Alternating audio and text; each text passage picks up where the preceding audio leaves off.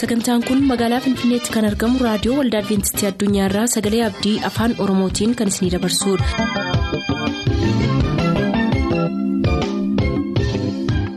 raadiyoo keessan banattaniin kan sagantaa keenya ordofaa jirtan maraan nagaan keenya sinaa qaqqabu akkam jirtu dhaggeeffattoota keenya sagantaa keenyaarraas kan jalqabnu sagantaa macaafni qulqulluu maal jedhaanidha turtii gaarii.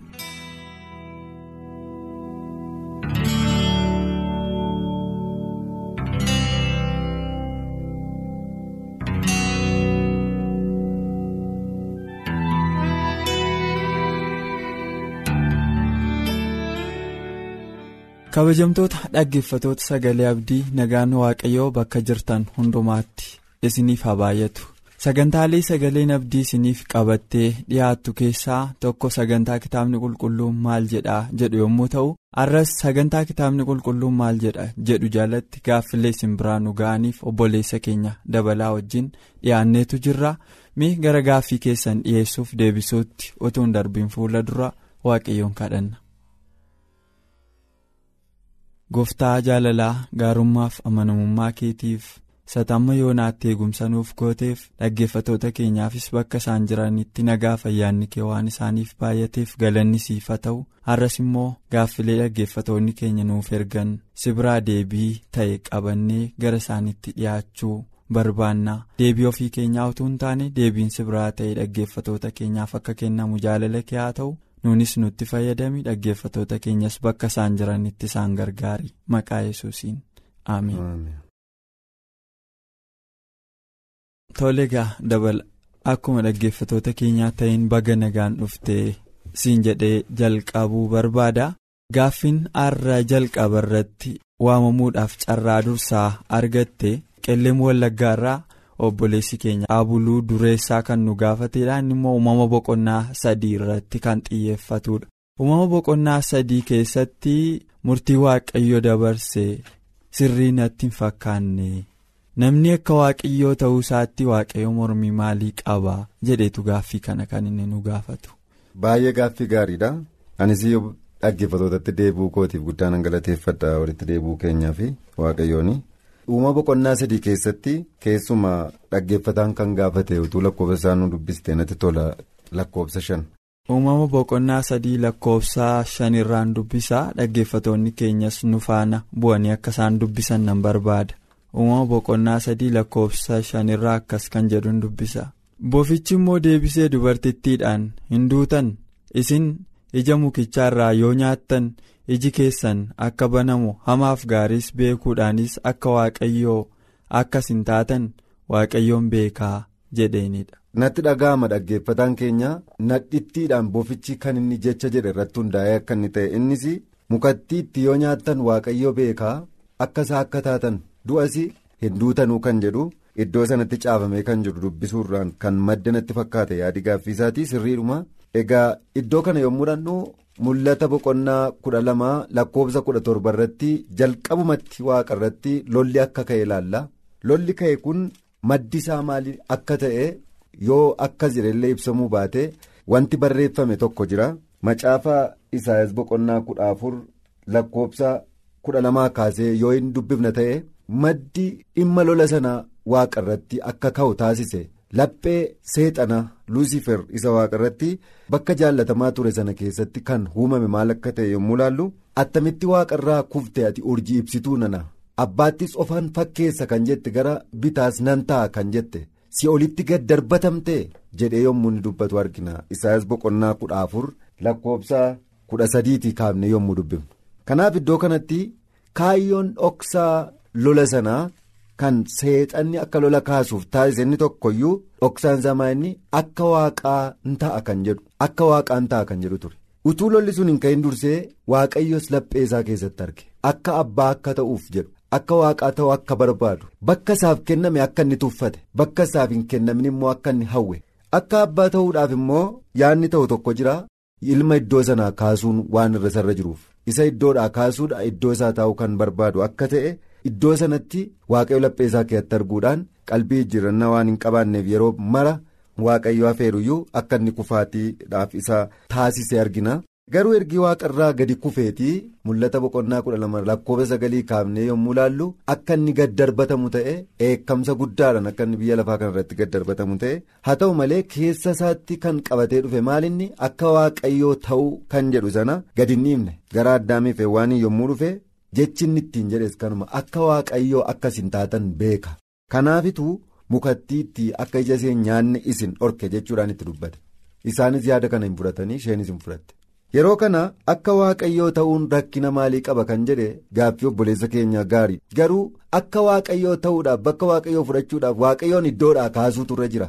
Dugda duubisaa jiru sun isadha waaqayyoo yaada kana kan fudhatuu fi akka hin taanedha maaliif bakka isaaf kenname taa'ee itti amanamuu qaba jechuudha namni kanaaf luusifer iddoo sanatti amanamee bakka isaaf kennametti waan hojjechuu hin barbaannee fi bakka isaaf hin kennamne olii sana hawwuudhaaf iddoo sana. ilma waaqayyoo kaasuudhaaf gochaaf adeemsa inni yaade keessatti kufaatiidhaaf waan isa taasiseef madda kufaatii sanaa kan isaaf ta'e dhalli namaas iddoo sanatti kufee akka hin argamu taasiseera. bara sanaa kaasee cubbuutti kufaniiru maaliif akka waaqayyoo ta'uudhaaf waaqayyoon mormuutu irra jira abboommi waaqayyoo cabsuutu irra jira sana akka isheen kuttu akka waaqayyoo kan jedhe abboommi sana neenni akka isheen kuttu kan taasise. Yaadni akka waaqayyoo taana jedhu luusfer duwwaa keessatti mini kufaatii isaatiif kan taasise. Garuu addaamiif heewwaaniinis akkasuma yaada isaa waan fudhataniif kufaniiru waaqayyootti adda ba'aniiru. Baroota baay'ee keessattis namoonni ololof qabuudhaan akka waaqayyoo ta'uu bakka waaqayyoo of kaa'uu akka isaan yaadan isaan taasiseera. Fakkeenyaa fi uumama boqonnaa kudha tokko keessatti kottaa maal goonaa kottaa in ijaarraa xuubii in ijaarraa gimbii guddaa isaa in ijaarraa caafiinsaa eessa kan ga'u fiixeensaa waaqa kan ga'u maqaa keenyas maal hin goonaa jedhan. ittiin waamsifna. Namoonni waaqayyoodhaan yommuu mormuu jalqabaniidha yeroo sana waaqayyo biyya lafaarratti bittimmaa horaa wal baay'isaa biyya lafaarrattis baay'adhaa yommuu jedhe abboommi waaqayyoo sana diiguudhaan hamma fiixeensaa waaqa ga'utti ol ba'uu akka isaan barbaadan iddoo sanatti keessa lusifer kan ture akka waaqaa ta'uudhaaf hawwuun waan isaaniif kenname sana tuffachuun keessa isaanii akka ture hojii harka isaaniitti amanachuun waaqa akka. isaan ol jiru wallaaluun iddoo kanatti mul'ateera haa ta'uyyuu malee waaqayyo gadi bu'ee ilaaluudhaan yaadi isaanii akka inni fashalatu ta'eera. gama kan biraatiin daani'el boqonnaa afur lakkoofsa soddoma irratti yommuu ilaallu waaqayyo naabukadinaasoor yommuu inni karaaf kallattii gadhiise gaaf tokko masaraa isaarra ba'ee yerusaalemiin ilaaluudhaan akkana jedhe. Isheen kun yerusaalem guddittii miti moo? An harka koo isa jabaadhaan hirree kootiin kanan maal ishee gochisiise? Kanan ishee hojjechiise. Ijaare akkana jechuun. eenyu qaamni biraa waaqni isaa ol akka hin jirre innumti biyya lafaa irratti iddoo olaanaa bakka olaanaa qabatee akka jiruu fi akka inni ittiin dhaadhate argina. Yaadi kun eessaa maddite namni naanolii humni naanolii qaamni naanolii hin jiru kan jedhu eessaa maddite yaada lusiifeer keessatti waaqa irratti laphee isaatti yaannaan ittiin kufe addaamiif waaniin yaaduma sanaan kan gowwoomse akkanumas immoo ijoolleen nohii. kan ittiin hamma gara waaqaatti ol ba'uu barbaadan maqaa isaanii biyya lafaa irratti waamsisuudhaaf hirreen isaanii inni jabaan sun xuubii sana akka ijaareef eenyu isaanii ol akka hin taane yommuu isaan ol oluuf qabanii yeroo sana kan isaan bittimsee fi akkanumas isatti darbee barnaaf godinaasorii kan mataa mul'ifateedha jechuudha jechisu. Bara keenya hoo hin jiruu laata kan jedhu dhaggeeffataan keenyas dhaggeeffatoonni keenyas akka isaan itti yaadan nan barbaada. Maaliin mul'ata? Akka waaqayyoo ta'uun har'a. Eenyullee naan ol hin jiru. anuma inni guddaan inni jabaan kana ofii kootiin kanan godhe kan jedhu maddi sun waaqayyo kan hin deeggarree fi yaada lusiifeer keessaa burqee kufaatiif isa taasisee addunyaa kufaatiitti kuffise. Kana ta'uusaa kan adda baafannu ta'utu nurra jira. Tosoloonqee isa lammataa boqonnaa lama lakkoofsa sadiif afurutu nu dubbiftee natti tola girmaa iddoo kanaa bara keenya keessa akka waaqayyoo ta'uu yaanni jedhu. bifa akkamiitiin calaqqisaa jira addunyaa irratti kan jedhuuti utuu dubbifanne dhaggeeffatoota keenyaaf ifaa ta'a jedhee yaada. ergaa paawulos gara warra tasalonqee boqonnaa lama lakkoofsa sadiif afurirraatti kanan dubbisu akkas jedha lakkoofsa sadiif afurirraa waaqayyoon mormanii isarratti ka'uun utuu hin dhufin inni hamaan seera malee jiraatus ilmi badiisaa sun utuu bakkeetti hin baafamin guyyaan sun hin dhufu. kanaaf namni tokko karaa kamillee isin hin wallaalchisin inni bakkeetti baafamuuf jiru sun ol of qabuudhaan waaqayyo kan jedhamuun waanuma namni itti sagaduunis in morma ofuma isaatii waaqayyo ofiin jechuudhaanis mana qulqullummaa waaqayyoo keessa taa'umsa hin dhaabbate. Warra hiikkaan duraa oneesimoos macaafa qulqulluun galuufii fi Tasalonqeessa lammataa boqonnaa lama lakkoofsa sadiif afur maal jedha? Homtinuu homaanuu isin sossobin. Guyyaan sun hin dhufu duraan dursee kufaatiin utuu hin dhufin. Namni cubbuu ilmi badiisaas utuu hin mul'atin. Kufaatii iddootti maal godheera iddoo kanatti maqaa dha'eera jechuudha. Ilmi badiisaa ilmi cubbuu utuu hin mul'atin. Diinni dhugaa waaqayyo kan jedhamu hundumaa natu caala kan jedhu kan olof qabu kan waaqeffamu hundumaarras. Mana waaqayyoo keessa waaqayyotti hamma taa'utti ofiis in argisiisa. Waaqayyo akka ta'e yaaddi silaa haasaa turre bara keenya keessa kanaan xumurama jechuudha. Waaqayyo baroota keessatti yaada luusifeer keessa isa jiru yommuu mul'inatti arge yeroo yommuu kennameef itti fayyadamuu dhiise qalbii jirannaa yommuu dhabe gad darbate kufee samii keessaa cite haa ta'uyyuu malee gara biyya lafaatti yommuu dhufe namoota yaada ittiin kufaatiif isa saaxile sana akka isaan itti hirmaatan godheera. Namoonnis utuu kufaatiitti hin kufin hin darbine bara naabukadnaatsooris utuu waaqayyo itti bu'aa isaatti hin argisiisin hin darbine. Akkanumas bara keenya keessa jiramoo hin jiru kan jedhuuf ilmi cubbuu ilmi badiisaa mana waaqayyoo keessa hamma taa'utti waaqatti hamma of fakkeessutti hamma waaqeffamutti kan ga'u. Kana yommuu jennu qaama itti fayyadamu qaba seexanni qaamni seexanni itti fayyadamu sun immoo namadha. namni kun olof qabee ana waaqayyoo kan waaqeffamuu qabu kan jedhu bakka bu'aa ilma waaqayyooti an kan jedhu isatti kan fayyadamu. Har'allee gara xumuraatti ilmi cubbuu kun ani waaqayyo waaqeffamuun qaba.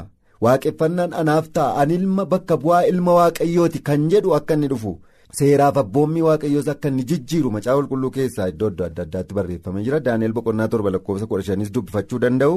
Kanaaf walumaa gala rakkoo maalii qaba isa jedhuu fi akka waaqayyoo ta'uudhaaf waaqayyoon iddoodhaa kaasuu waan of keessaa qabuuf rakkoo hammana hin jedhamneef balaatti kan nama kuffisu qabaachuusaa. Walumaa gala gabaabsinee akka hubannu yaada kan of keessaa qabaachuusaan dabarsuu barbaada. Tole dabala waaqayyo isaa eebbisu dhaggeeffataan kan biraan nu gaafatanis jira. Gaaffii kana maatiyoos boqonnaa.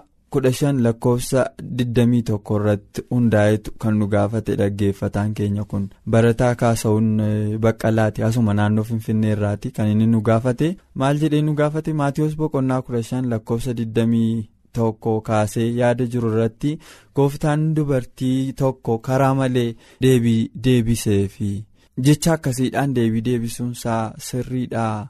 Maal agarsiisa yookiin kana jechuunsaa maal barsiisa buddeen ijoollotaa fuudhanii sarootatti kennuun sirrii miti ittiin jedhe kanaaf maal jechuu barbaadeeti haasaan saanaaf hin galleedha kaasa'uun. ee namoota baay'eef gaaffii ta'uu danda'a jedhee yaada maaliif kan gaafate saree miti nama yaa gooftaa mucaan kun duraa dhukkubfatteetti naa fayyisi jettee kan gaafatte dubartiin suni dhala namaatii. Sareen naannoo sana iyyuu jiraachuu dhiisuu dandeessi. Wanti iddoo kanatti wajjin dudubbataa jiran dubartii tokkotu gara yesus dhaqee akka mucaashee fayyisuuf gaafatte. Garuu yesus yeroo kana maaliif saree wajjin wal qabsiise kan jedhu gaaffii ta'uu danda'a sirriidha? Buddeen ijoollee fuudhanii saree jala buusuun gaarii mitii jedhee dubbate. Yesus yeroo hundumaa maalinni waa barsiisuudhaaf kan inni godhu? Mee lakkoofsa 26 nu dubbifta eessaa dubbate yoo hin jedhu ta'e tarii. 26 irratti barreeffamee jira lakkoofsi kun achuma. Maatiyus boqonnaa 15 lakkoofsa 26 irraa kaaseen dubbisa dhaggeeffatoonni keenyas akkana duukaa dubbifatan nan barbaada. Maatiyus boqonnaa 15 lakkoofsi 26 akkas jedha lakkoofsa 26 irraa yesus yommus deebisee buddeena ijoollotaa fuudhanii sarootaaf darbachuun ba'eessa miti jedhe isheen immoo eeyyee yaa gooftaa haa ta'u iyyuu malee. saroonnis maaddii gooftaa isaanii irraa isa harca'u hin nyaatu jetteenidha. yaada lama of keessaa qaba kiristoos yesus barsiisuudhaaf dubbata yeroo baay'ee yommuu dubbatu sareetti miti namatti dubbataa jira dubartiidhaan mucaashee akka fayyisuuf kan jedhe sila akkuma jedhe garuu biddeen ijoollee fuudhanii sarootaaf kennuun gaarii miti jechuun isaa maal jechuudha sirriidhaayi. isaa wajjin kan jiran bartoonni jiru yaada bartootaa keessa immoo yaadni yiwudootaa tokko jira.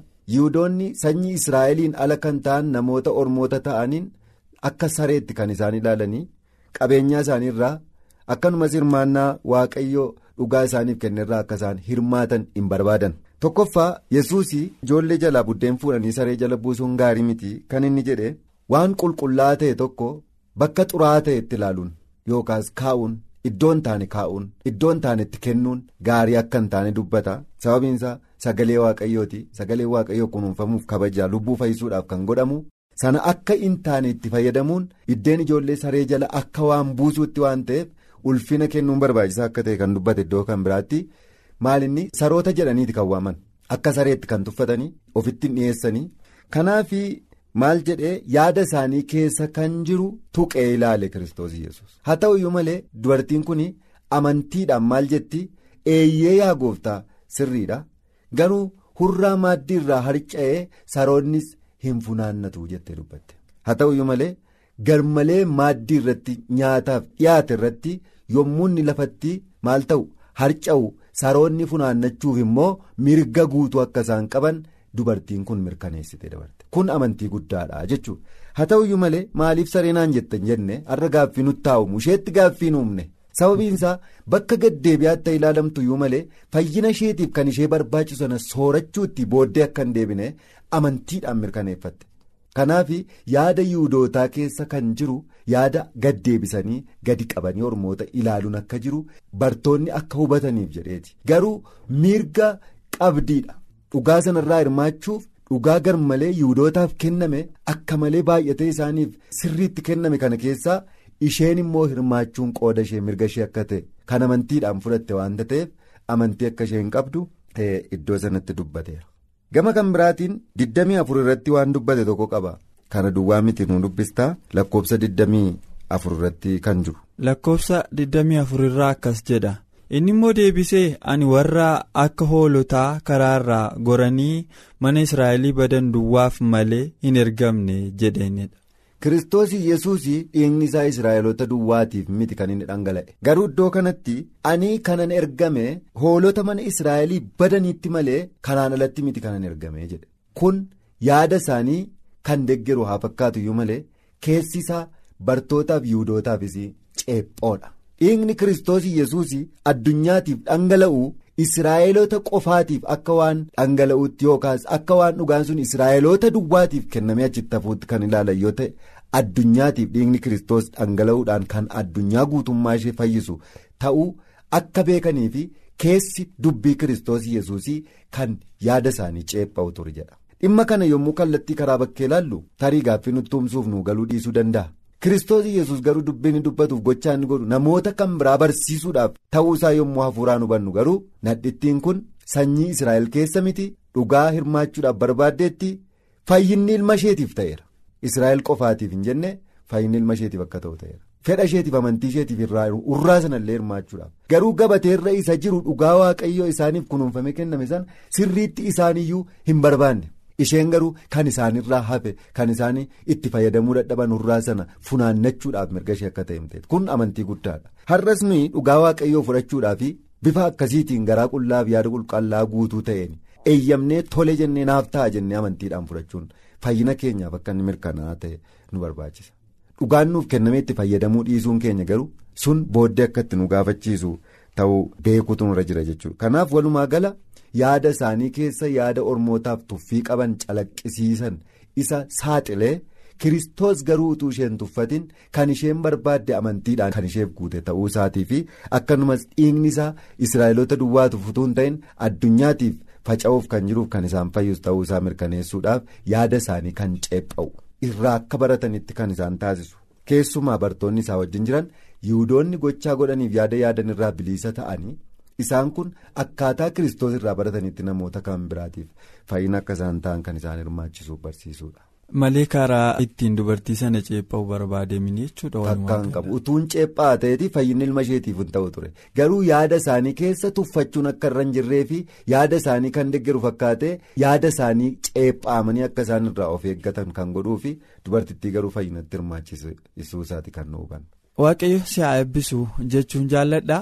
Har'a sababii yeroof jecha dhaggeeffatoota keenyaa wajjin hanga kanaa ol turuu waan hin dandeenyeef sinis waaqayyo si haa eebbisu deebitee dhuftee dhaggeeffatoota keenyaa wajjin yeroo fudhachuutti duubatti hin jedhinii jecha. Dhaggeeffatoota keenyaanis har'aaf kan isiniif qabannee dhiyaanne kanuma.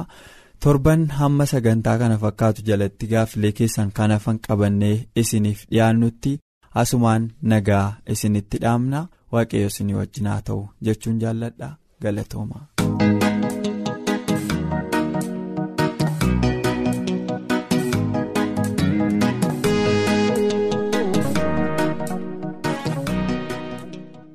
sagantaa keenyatti akka eebbifamtan abdachaa kanarraaf jenne asumaan xumur sagantaa keenya irratti yaaduu qabaattan karaa teessoo keenyaa raadiyoo olda adventistii addunyaa lakkoofsaanduqa poostaa 455 finfinnee jedhaanuf barreessa raadiyoo olda adventistii addunyaa lakkoofsaanduqa poostaa 455 finfinnee.